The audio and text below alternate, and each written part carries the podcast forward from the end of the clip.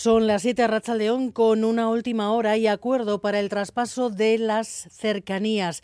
Las cercanías ferroviarias ya se había adelantado que las negociaciones estaban muy avanzadas y que podría materializarse el traspaso este mes de febrero y así es. En un cuarto de hora la consejera de autogobierno, Olatz Garamendi, anuncia el acuerdo en rueda de prensa en Lacua.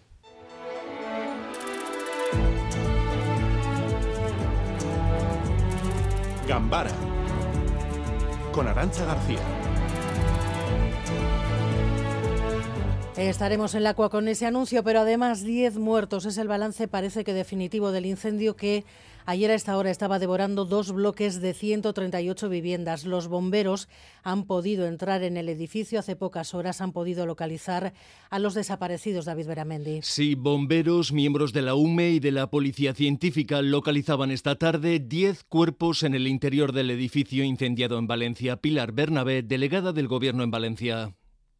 Podemos confirmar que la Policía Científica junto a los bomberos han encontrado 10 cuerpos en el, en el edificio. 10 víctimas mortales, cifra que se corresponde con las 10 personas que estaban desaparecidas, y es que esta mañana se localizaban sanas y salvas a otras cuatro personas de las que no se sabía nada. Ahora toca identificar los cuerpos y, sobre todo, investigar qué pasó, dónde y cómo se originó el fuego. Un juzgado de Valencia ha abierto diligencias y ha decretado el secreto de sumario. Más de 400 personas han perdido sus casas, han perdido todo lo que tenían. Gary Suárez. La situación es muy complicada en Valencia y esta tragedia ha despertado una ola de solidaridad, partiendo por las ayudas que se han activado para las familias, tanto ayudas económicas como para encontrar vivienda a las personas que se han quedado sin casa. En estos momentos hay 105 personas realojadas en hoteles de la ciudad. Se ha preparado un punto para que los que quieran llevar ropa u otro tipo de ayuda, al que están acudiendo muchos vecinos y los esfuerzos también se centran en dar apoyo psicológico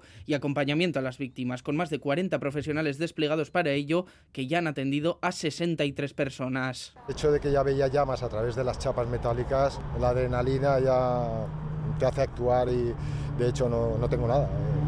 Eh, eh, la ropa que llevo eh, un centro comercial. Y sobre todo estar al lado de las personas. Cualquier persona que haya vivido una situación traumática puede entender que lo que necesita alguien que vive un shock es, es alguien, es compañía humana, ¿no?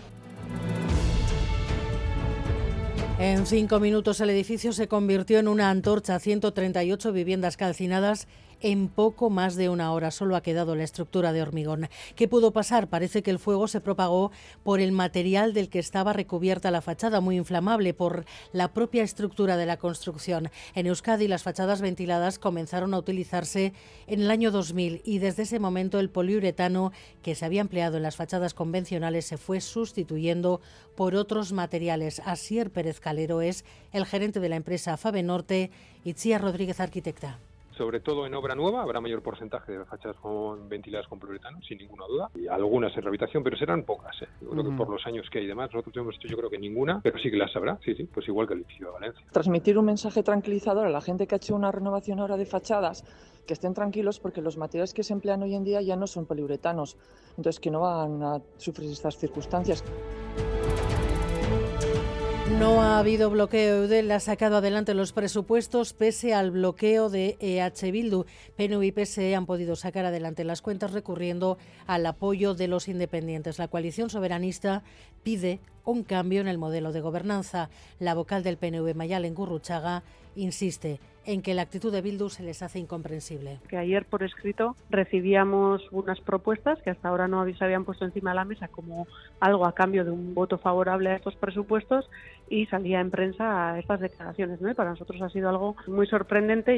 El PSOE, entre tanto, empieza ya a pedir al exministro Ábalos que deje su escaño. Yo sé lo que yo haría. No puedo decir lo que el señor Ábalos quiere hacer o va a dejar de hacer. Yo sé lo que yo haría. ¿Y, usted dejaría el escaño? Usted sabe lo que yo haría. El juez que investiga el caso en la Audiencia Nacional ha levantado el secreto de sumario. El PSOE intenta imponer un cordón sanitario sobre el exministro mientras el PP presiona a Miquel Arregui.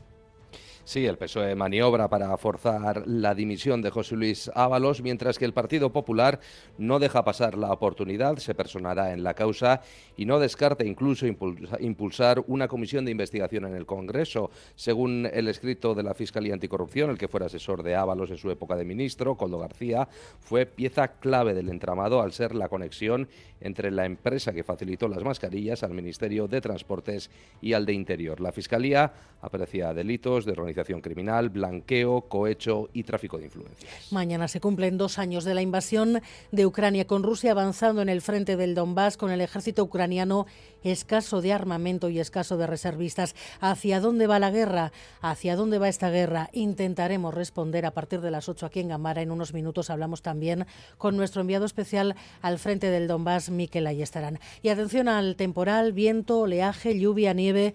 El aviso se extiende hasta el domingo, Ederne Frontela. Sí, estamos además en alerta naranja por riesgo marítimo costero y por impacto de ola en las costas que pueden superar los 5 metros. Por ello, en Donostia quedan cerrados a partir de este viernes el Paseo Nuevo, el Espigón de la Zurriola y también el acceso al Peine del Viento. Ya mañana permanecerá cerrada también la Nacional 634 entre Guetaria y Zaraud, la carretera de la costa, a consecuencia del temporal.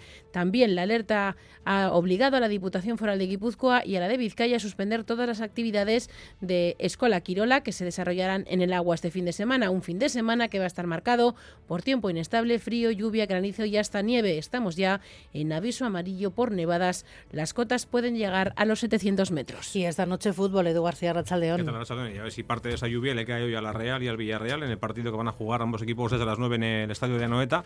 Un partido importante para el conjunto Churi Urdín porque no puede perder el paso en la lucha por Europa, aunque ayer Imanol dijera que lo que realmente le ocupa la cabeza a él y a sus jugadores es el encuentro de vuelta de las semis de Copa de la próxima semana ante el Mallorca. En todo caso, veremos en la Real competitiva, que además hace mucho tiempo que no gana como local en Liga Así que también su gente se merece una, buena respuesta por parte del conjunto Churi Ordín, un Villarreal que estaba llamado a ser rival directo en la carrera por Europa, pero que ahora mismo está mirando más hacia abajo que hacia arriba.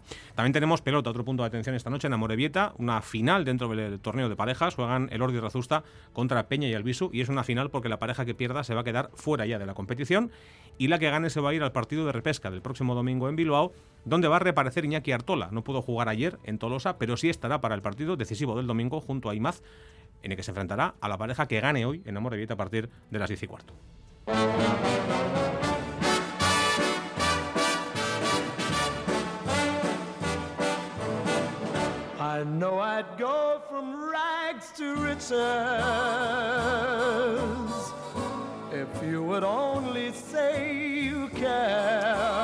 Tiempo de cambios, tiempo de despedidas, ahora que definitivamente termina la legislatura. John Fernández Moro.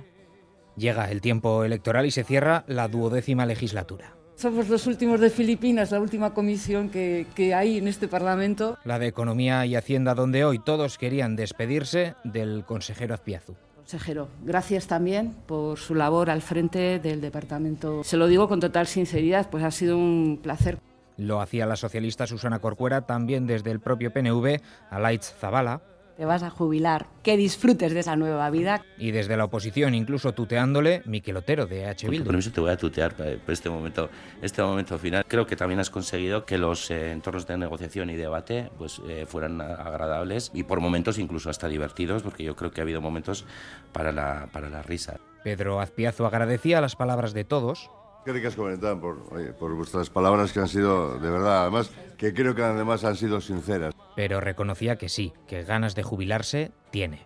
Tengo efectivamente ganas de quitarme la corbata, de quitarme los trajes, de tratarnos todos de tú, porque yo soy anti, anti usted. Y se despedía de quienes aún no gozarán del descanso que él sí, con este mensaje.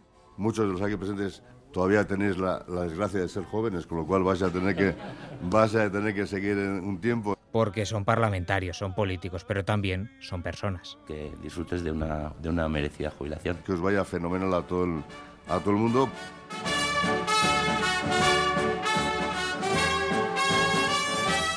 Miguel Ortiz y Alberto Subeldía están en la dirección técnica, Cristina Vázquez en la producción.